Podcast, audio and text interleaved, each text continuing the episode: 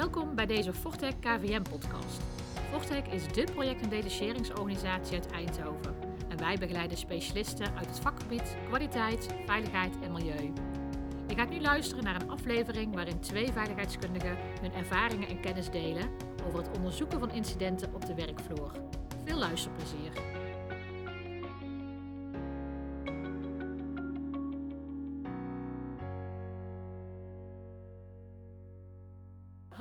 Ben uh, Sheree van der Boogaard, recruiter kwaliteit, veiligheid en milieu bij Fortec. En vandaag bij mij aan tafel zitten Femke Magiels en Patrick van der Lem. Met hen gaan we het vandaag hebben over het ongevallenonderzoek. En dan met name welke incidenten een veiligheidskundige onderzoekt, welke leermomenten er uit het onderzoek naar voren komen en hoe je kan zorgen dat binnen de organisatie de juiste acties worden opgepakt.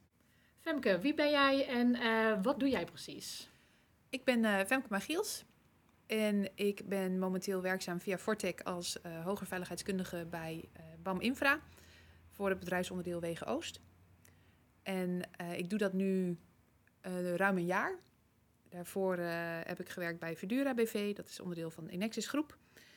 Um, ja, en hoe ik in het veiligheidskundige vak ben gerold, is best wel. Uh, een, ja, het is gewoon best wel bijzonder gelopen. Want ik heb op zich de achtergrond er helemaal niet in. Mijn achtergrond is uh, facilitair management en bedrijfskunde. Dus uh, veel meer gericht ook, denk ik, op bedrijfsmatig en procesmatig werken. Um, behalve dat ik in mijn vorige functie um, gaandeweg, ik was daar de, de, de kwaliteit- en veiligheidscoördinator. Um, en de focus lag eerst heel erg op het kwaliteitsmanagement systeem. En je zag gewoon naarmate dat dat steeds volwassener werd eigenlijk, er steeds meer focus en aandacht kwam ook voor het stuk veiligheid. Uh, tot het punt dat ik dacht, nou dan wordt het misschien nu ook maar eens tijd om de opleiding daarbij te gaan doen. Dus toen ben ik hoger veiligheidskunde gaan doen. En zo is dat uh, gelopen. Dus ja, geen technische achtergrond. En toch vind ik mijn werk ontzettend leuk. Patrick, wie ben jij en hoe is dat bij jou gegaan? Ik ben Patrick van der Lem. Uh, ik ben hoger veiligheidskundige. Ik heb mijn eigen adviesbureau, HSC Nou. Ik heb via Fortec een aantal keer interim functies gedaan bij BSO-bedrijven of andere bedrijven als veiligheidskundige. Ehm, daarnaast doe ik bijvoorbeeld risico-inventarisaties of geef ik opleidingen en trainingen. Uh, doe ik ook ongevalsonderzoeken. Uh, ik ben er ingerold omdat ik als KVGM-medewerker bij een uh, uitzendbureau kwam te werken na mijn opleiding integrale veiligheidskunde. En toen dacht ik dat arbeidshygiëne te maken had met dat je je handen moest wassen en dat soort zaken. En inmiddels weet ik dat er heel veel meer bij komt kijken. Dus van training kan-medewerker naar, naar de opleiding vol VCA, naar de opleiding hogere veiligheidskunde zie je dat je steeds meer body krijgt en een gevoel krijgt bij het vakgebied. En inmiddels ook naast veiligheid met gezondheid als arbeidshygiënist. Uh, dus zo ben ik er gaandeweg ingekomen. Oké, okay, nou dankjewel. Nou, we gaan het vandaag natuurlijk samen hebben over het onderzoeken van incidenten. Um, waarom is het onderwerp relevant en is het dus belangrijk dat we hier aandacht aan besteden? Femke, kun je daar iets over vertellen? ja, daar kan ik iets over zeggen. Um, waarom ik het zelf heel belangrijk vind dat je uh, incidenten en bijna ongevallen onderzoekt, is omdat je um, als bedrijf daar veel van kan leren. En um, een goed onderzoek geeft ook goede aanknopingspunten om herhaling te voorkomen. waarbij ik mezelf ook heel erg besef dat het voorkomen van herhaling uh, natuurlijk het grotere goed is waar je naar op zoek bent. Mm, wat niet altijd direct uit het onderzoek naar voren zal komen, maar dat dat ook heel veel organisatorische uh, aspecten met zich meebrengt. In welke mate jij in staat bent om dan ook daadwerkelijk die elementen en acties op te pakken die daarvoor die herhaling daadwerkelijk gaan voorkomen. Hm. En kun je dan ook aangeven welke incidenten jullie uh, onderzoeken in je rol als veiligheidskundige en ook hoe je je voorbereidt op zo'n onderzoek? Um, nou ja, hoe ik mezelf in elk geval voorbereid op een onderzoek, is door. Nou, ik zelf vind in elk geval dat ik de, de beste onderzoeken doe als ik me zo min mogelijk voorbereid. Um, wat betekent dat ik wel wil weten wat er is gebeurd en wie erbij betrokken zijn geweest.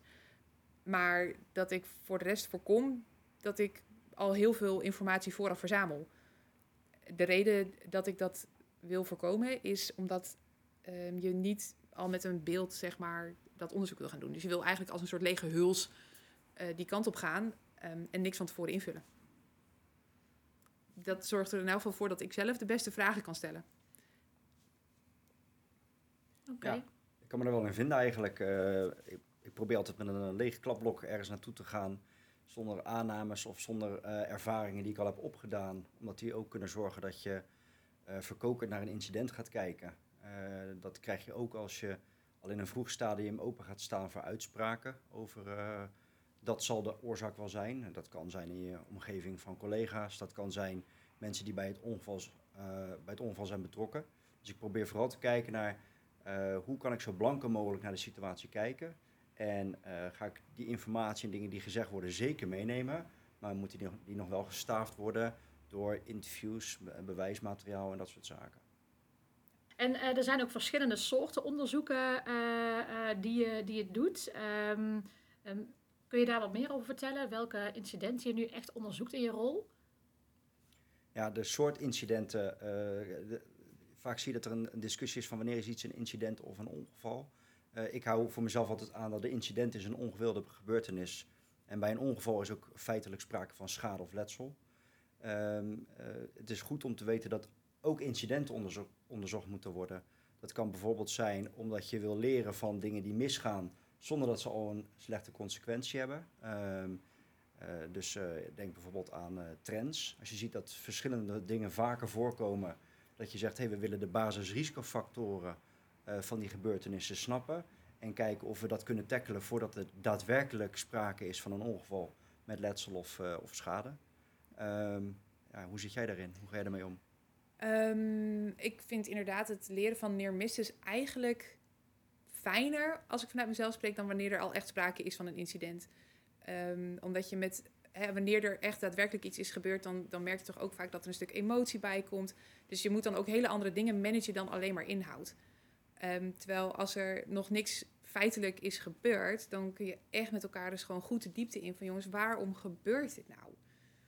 Aan de andere kant, ja, wat voor mij dan wel de uitdaging is, is hoe krijg je die informatie? Want 9 van de 10 keer zie je dat mensen op het werk zeggen, oeh, nou, door het oog van de naald. En dan wordt het daar ter plekke geregeld. En voordat het dan een keer bij de veiligheidskundige neer, eh, eh, wordt neergelegd, dan ben je of vaak alweer heel veel later. Ehm, dus dan is het nog maar de vraag hoe goed je onderzoek echt is. Maar het is voor mij wel veel liever dat, dat je eh, die informatie boven water krijgt zonder dat je daadwerkelijk schade of letsel hebt. Is, is een veel fijnere setting eigenlijk eh, om dat onderzoek te doen. Maar hoe zorg je er nu voor dat je dus die near misses ook herkent? Ehm, dat is eh, praten. Dat is ook echt zichtbaar zijn op het werk. Ervoor zorgen dat mensen je weten te vinden. Eh, dat ze ook eh, het gevoel hebben dat ze open naar je kunnen zijn. Van, goh, luister, dit hebben we gehad. Ehm, wat moet ik ermee? Ja, dus dat, dat is ook echt, dat heeft heel veel te maken met hoe jij als veiligheidskundige of als kampcoördinator op het werk bereikbaar bent en zichtbaar bent. En daar ook een houding kan creëren dat je er bent om mensen te helpen. Dat, als je het over incidentonderzoeken hebt, ja, sommige mensen vinden dat ook best wel spannend. Want je gaat wel doorvragen. Je gaat ook soms wel uitkomen op stukjes die een beetje pijn kunnen doen. Die, Ja. die niet alleen maar leuk zijn om te horen. Ja. Dus het moet wel, hè, de setting moet er wel ook zo zijn dat, eh, dat, dat we met elkaar in de mindset zitten dat het is om te helpen. Ja. Dat, Ja, inderdaad. Je moet zorgen dat je onderdeel bent van een cultuur binnen een bedrijf. Waarbij het veilig is om te zeggen... hey Pet, eh, we hebben eh, een bijna incident gehad. Of een bijna ongeval gehad. Geen schade, geen letsel. Maar dit had echt wel verkeerd kunnen gaan. Dus kijk even met ons mee.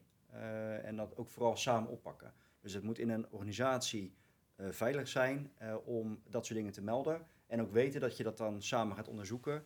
En dat er niemand veroordeeld wordt. Of dat je niet bezig bent om iemand dan. Want eigenlijk er is niks misgegaan.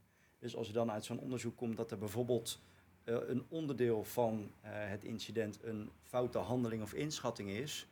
Ja, dan kan het zomaar zo zijn dat mensen dat eh, liever niet openbaren. Dus die veilige cultuur is de allerbelangrijkste om te kunnen en mogen leren van near misses of, of high potential incidenten. Dus is het dan inderdaad zo in de praktijk dat je alle incidenten onderzoekt? Of hoe kom je tot de beslissing om een incident die in eerste instantie weinig relevant lijkt, ook verder te gaan onderzoeken? Ja, ik vind het een mooie. eh, alle incidenten zijn relevant, omdat je uit elk incident eh, leermomenten kunt halen. Bijvoorbeeld, ehm uh, high potential incident heb ik net genoemd. Dus dat zijn incidenten die een hele heftige impact kunnen hebben. Hè? Bijvoorbeeld zwaar letsel of, uh, of erger zelfs. Maar ook als je ziet dat je allemaal kleine incidentjes veelvuldig hebt. Uh, en die allemaal, als ze zouden uitkomen bij een ongeval, ook maar een klein gevolg zouden hebben, moet je gaan kijken waar komt dit vandaan? Heeft dit te maken met de manier waarop we onze mensen opgeleid hebben? Heeft dit te maken met de werkwijze? Hebben we wel de goede uh, arbeidsmiddelen ter beschikking gesteld? Dus uh, per saldo wil je ook van dat soort trends wil je, uh, onderzoek doen om het op tijd te tackelen. En daarbij geldt ook, hè, want wat jij net zegt, een incident staat eigenlijk ook nooit op zichzelf. Um, ik ben wel situaties tegengekomen dat op het moment dat er dan een incident is, dat de eerste reactie eigenlijk altijd is, nou, dan degene buiten die zal het wel gedaan hebben. Als we van die persoon af zijn, dan is het probleem opgelost. En toch, eigenlijk elke keer wanneer ik dan een onderzoek doe, het staat nooit op zichzelf. Um, we, we noemden net inderdaad ook al even 12 steden, 13 ongelukken. Er, gaat dan zoveel aan vooraf. En uiteindelijk kanaliseert het zich dan tot het daadwerkelijk plaatsvinden van een gebeurtenis.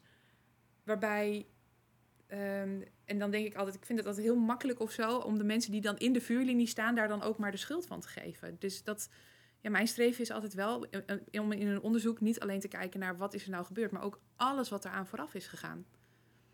Het is wel grappig dat we tegenwoordig op televisie steeds vaker de, het, uh, het gatenkaasprincipe zien. Hè? Dat, voor veiligheidskundigen is dat duidelijk. Je probeert op verschillende lagen een incident te voorkomen en je gaat kijken hoe heeft hij door al die lagen heen kunnen komen? Hoe zijn we uiteindelijk toch gekomen tot een, tot een incident of ongeval? En je ziet nu dat het in de hele coronamaterie ook uh, relevant wordt. Dat we zien van en we moeten afstand houden en thuiswerken en onze handen wassen en het mondkapje dragen en, en, en. En dat je uiteindelijk ziet dat uh, het model meer gaat leven. Dat mensen snappen dat er geen enkele maatregel voldoende is om op zich te staan. Maar dat uiteindelijk er tal van maatregelen nodig zijn om het te regelen. En, en dat, dat geldt ook binnen organisaties. Je mensen zijn aan het werk, maar het valt of staat niet met een verkeerde inschatting of een foute handeling van een medewerker. Het heeft te maken met inkoop, het heeft te maken met opleiding, het heeft te maken met uh, de, juiste arbeidsmiddelen, het heeft te maken met toezicht, het heeft te maken met werkvoorbereiding, het heeft te maken met projectplanning, aanbestedingen. Zoveel factoren die kunnen bijdragen aan het voorkomen van een ongeval. Ja, er zit heel veel meer in de procesgang eigenlijk ook, hè? Als je dit zo uh, omschrijft. Ik, merk bijvoorbeeld ook met name overdrachtsmomenten bijvoorbeeld, hè, waar iets van, uh, van tender naar uitvoering gaat of van werkvoorbereiding naar uitvoering. Hè, welke informatie stem je met elkaar af? Heeft iedereen. Je krijgt uiteindelijk een beetje hetzelfde concept als doorfluistertje. Dat wat we in den beginnen met elkaar hebben verzonnen, um, gaat dat ook daadwerkelijk zo plaatsvinden in de praktijk? Dus zijn we in staat geweest om alle informatie daadwerkelijk te delen? Zijn we in staat geweest om alle afspraken die vooraf waren gemaakt daadwerkelijk na te komen? Um, en de onderzoeken die ik tot nu toe heb gedaan, blijkt altijd dat ook daar steken zijn laten vallen. En dan, dan uiteindelijk komt het in een soort trechtertje terecht. En dan is degene die buiten aan het werken is, degene die het op dat moment maar moet regelen. Ja, dan, dan kun je niet alleen maar daar de verantwoordelijkheid neerle neerleggen voor het nemen van beslissingen dat, uh, ja, dat staat allemaal met elkaar in verband. En, en welke leermomenten haal je dan uit zo'n uh, uit zo'n onderzoek? Verschilt. Het verschilt heel sterk per, per incident. Um, ja, ik moet ook net even denken aan het stukje wat je zei hè, over goh, uh, dat je altijd technische kennis en expertise naast jouw onderzoek nodig hebt. Ik zelf ben 9 van de 10 keer niet belast met welke technische know-how whatsoever, omdat ik gewoon de opleiding niet heb. Dat betekent dat ik volledig afhankelijk ben van wat andere mensen mij vertellen. Dus mijn streven is ook altijd om te gaan begrijpen. Um, en pas op het moment dat ik het verhaal kan reproduceren op een manier die door mensen uit de techniek gesnapt wordt, dan heb ik het gevoel dat ik een goed onderzoek heb gedaan. Um, betekent wel dat ik dus ook altijd mensen naast mij nodig heb die mij helpen met dit onderzoek.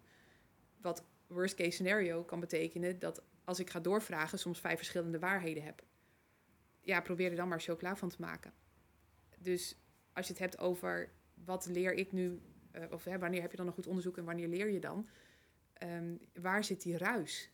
En hoe gaan we dat met elkaar duidelijker maken? Dat betekent soms ook dat ik terug moet naar een, een kamafdeling luisteren. De afspraken zoals wij die hier nu hebben neergelegd, zijn niet duidelijk. En dat, uh, ja, dus echt mijn, mijn voornaamste zit hem altijd heel erg op het creëren van duidelijkheid voor elkaar. Wat spreken we af? Hoe willen we dan dat dit gaat? En wanneer zeg je, ho, stop? Ja, ja en als je dan gaat kijken naar wat voor leermomenten je uit onderzoek wil halen.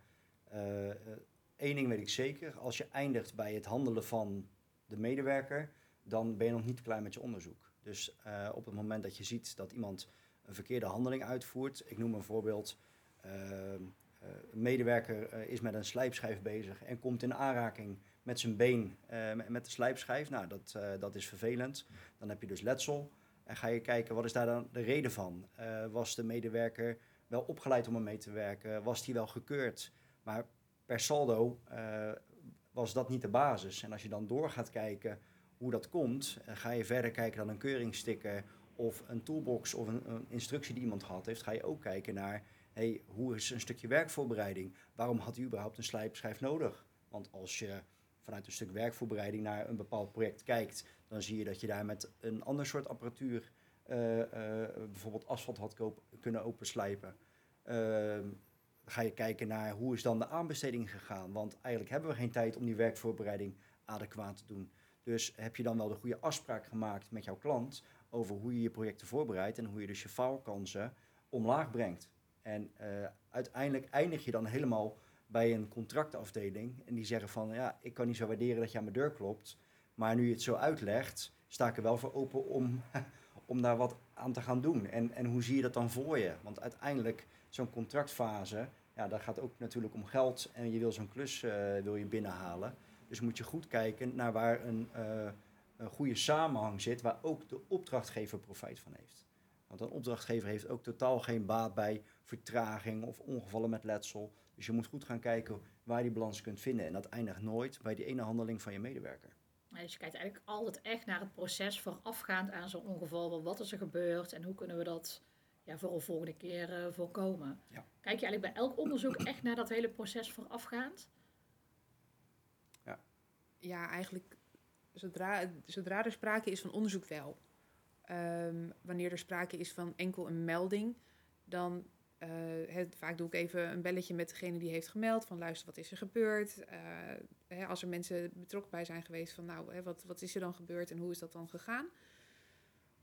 Um, mocht het nodig zijn om daar een vervolgonderzoek aan te koppelen, dan kun je dat eigenlijk al in zo'n tweegesprek, hè, dat je dan met elkaar tot de conclusie komt van, goh, eigenlijk, eigenlijk is dit heel gek. En dan voel je alle twee al wel aan je water van, goh, we hebben wel behoefte om hier iets meer van te gaan begrijpen.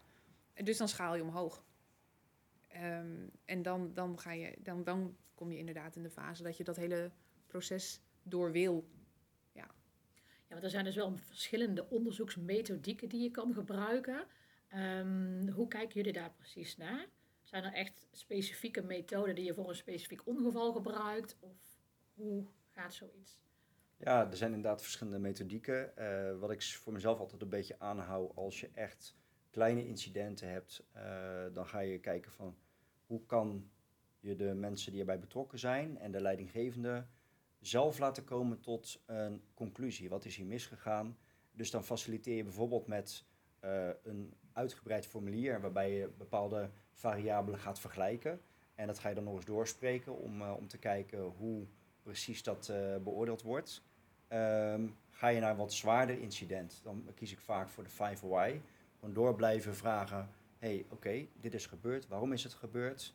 Nou, dit is daaraan vooraf gegaan en waarom is het dan precies uh, op die manier gegaan. Dus je gaat doorprikken totdat je minstens vijf keer hebt kunnen zeggen: hey, waarom gaat het op deze manier en uh, wat kunnen we daarvan leren? En dan zie je dat je vaak in de praktijk ook alweer eindigt een stuk vroeger in het hele proces en niet alleen maar eindigt bij de handeling van de medewerker. Maar soms zijn incidenten zo complex, dan moet je dus een stuk intensiever onderzoeken. Ik ben ervan overtuigd dat je dat wel altijd in een goede samenwerking moet doen in het team. En dan ga je bijvoorbeeld naar tripod. Dus dan ga je echt een, een soort van foutenboomanalyse maken om te kijken uh, wat er aan de grondslag ligt. Dus. Ja. ja, want zo'n tripod gaat natuurlijk ook heel... Hè, want dan heb je de directe oorzaken, je hebt de indirecte oorzaken... en uiteindelijk dan kom je uit bij de bron.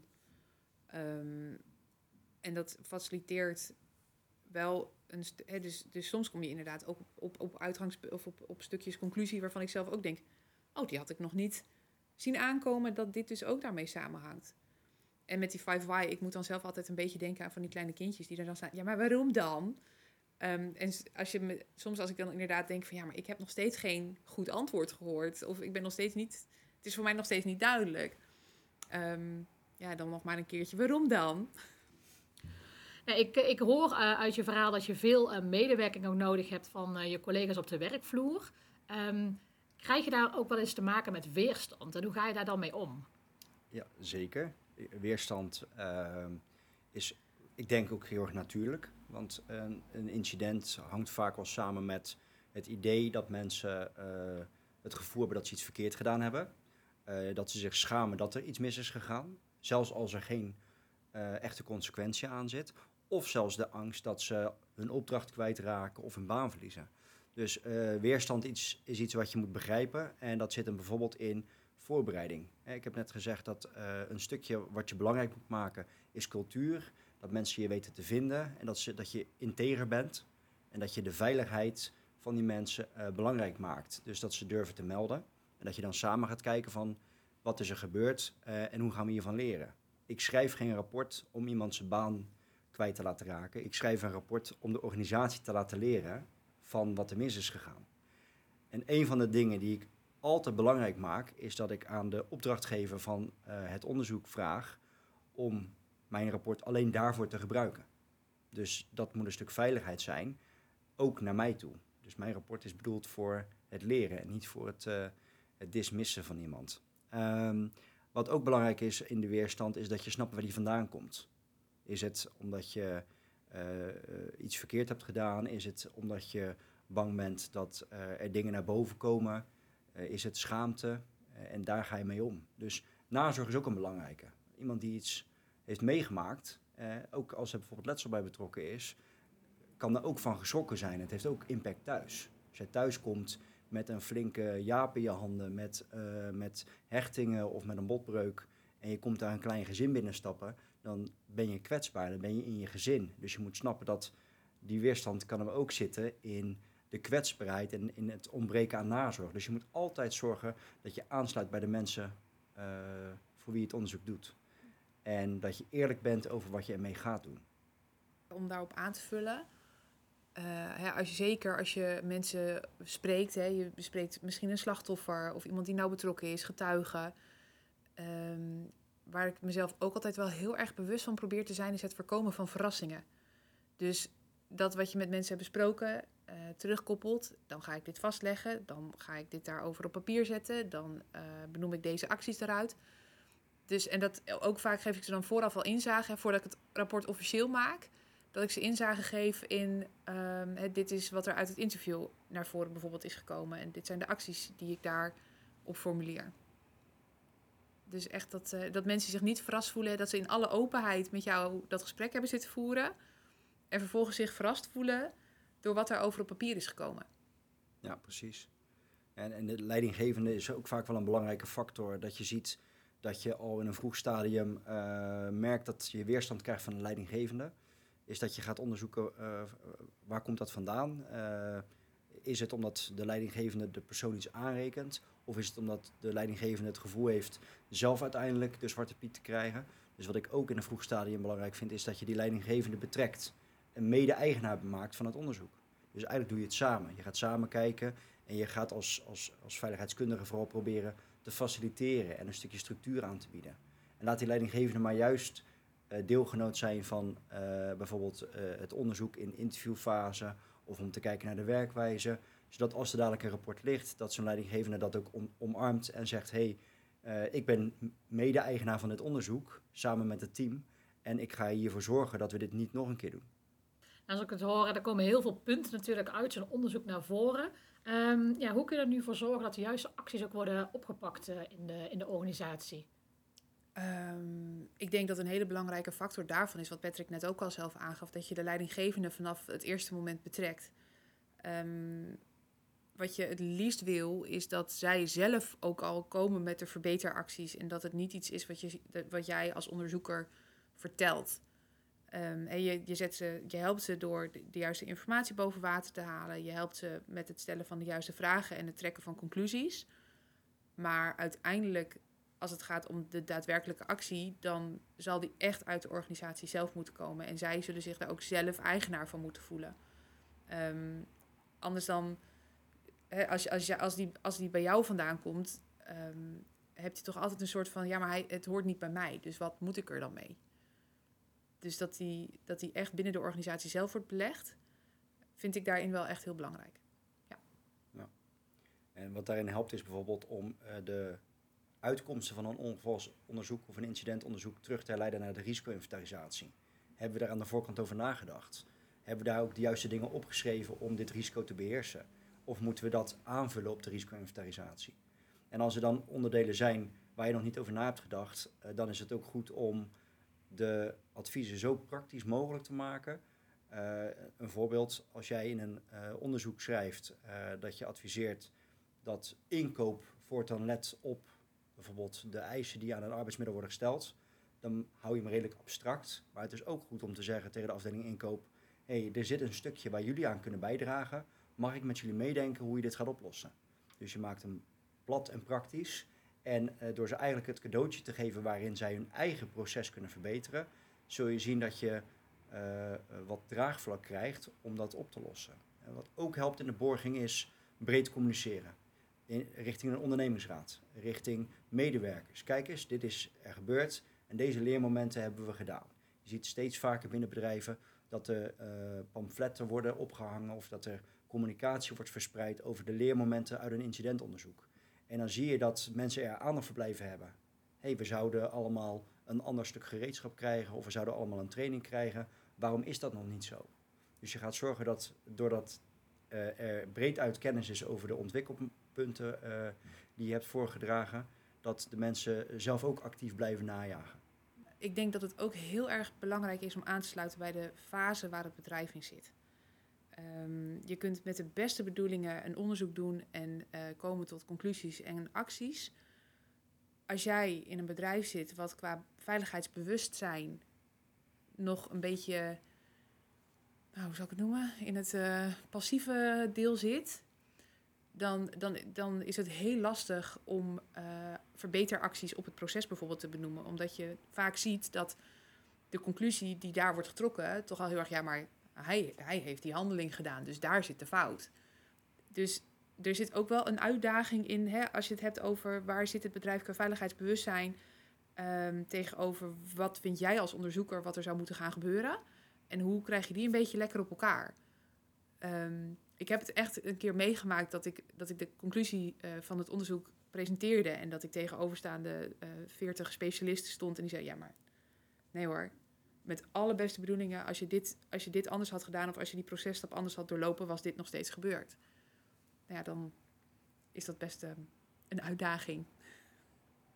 Nou, interessant om, uh, om jullie ervaringen te horen. Hebben jullie tot slot nog een, een tip voor jullie vakgenoten?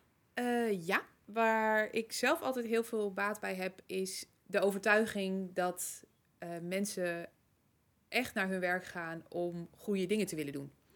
En niemand staat zelfs op met uh, de gedachte: laat ik vandaag eens een incident begaan, want dat klinkt als een goed idee.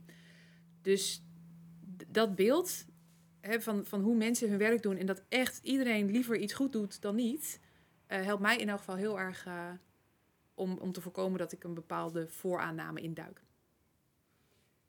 We hebben het in de veiligheidswereld vaak over de stand der wetenschap en de stand der techniek. En die wordt mede ingegeven door ons. Wij staan aan de basis van het nieuwe normaal op het gebied van veiligheid en gezondheid. En dat betekent dat we elk incident moeten onderzoeken in alle objectiviteit en in samenwerking met alle stakeholders die hierbij betrokken zijn. Oké, dankjewel. Nou, Patrick en Femke, ik wil jullie bedanken dat jullie vandaag hier aanwezig waren voor het delen van jullie ervaringen en kennis. En ik denk dat we gewoon heel veel nieuwe inzichten uh, hebben gekregen op het gebied van het onderzoeken van incidenten. Um, nou, we hebben zeker nog genoeg gesprekstof om een tweede podcast op te nemen. Ik weet niet of jullie zelf nog interessante onderwerpen hebben, hebben die jullie graag zouden willen behandelen. Ja, ik denk dat ons vak divers genoeg is om nog heel veel andere onderwerpen daarvan bij de kop te pakken. Ehm, hè, wanneer doe je bijvoorbeeld een goede werkplekinspectie? Patrick, jij nog iets eh, wat je wilt toevoegen? Ja, ik zou eh, heel graag eens kijken naar hoe beoordeel je nu eh, risico's in de samenhang met alles wat je doet. Van inkoop tot het instrueren van nieuwe medewerkers tot...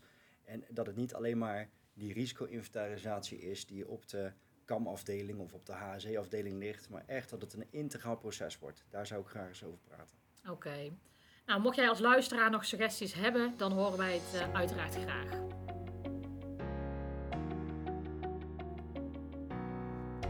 Wil je graag meer weten over dit onderwerp? Of ben je benieuwd wat Fortec voor je kan betekenen op het gebied van incidentonderzoeken? Dan kun je kijken op onze website fortec.nl of kan je de contactgegevens terugvinden in de omschrijving van deze aflevering. Leuk dat je geluisterd hebt en hopelijk tot de volgende keer.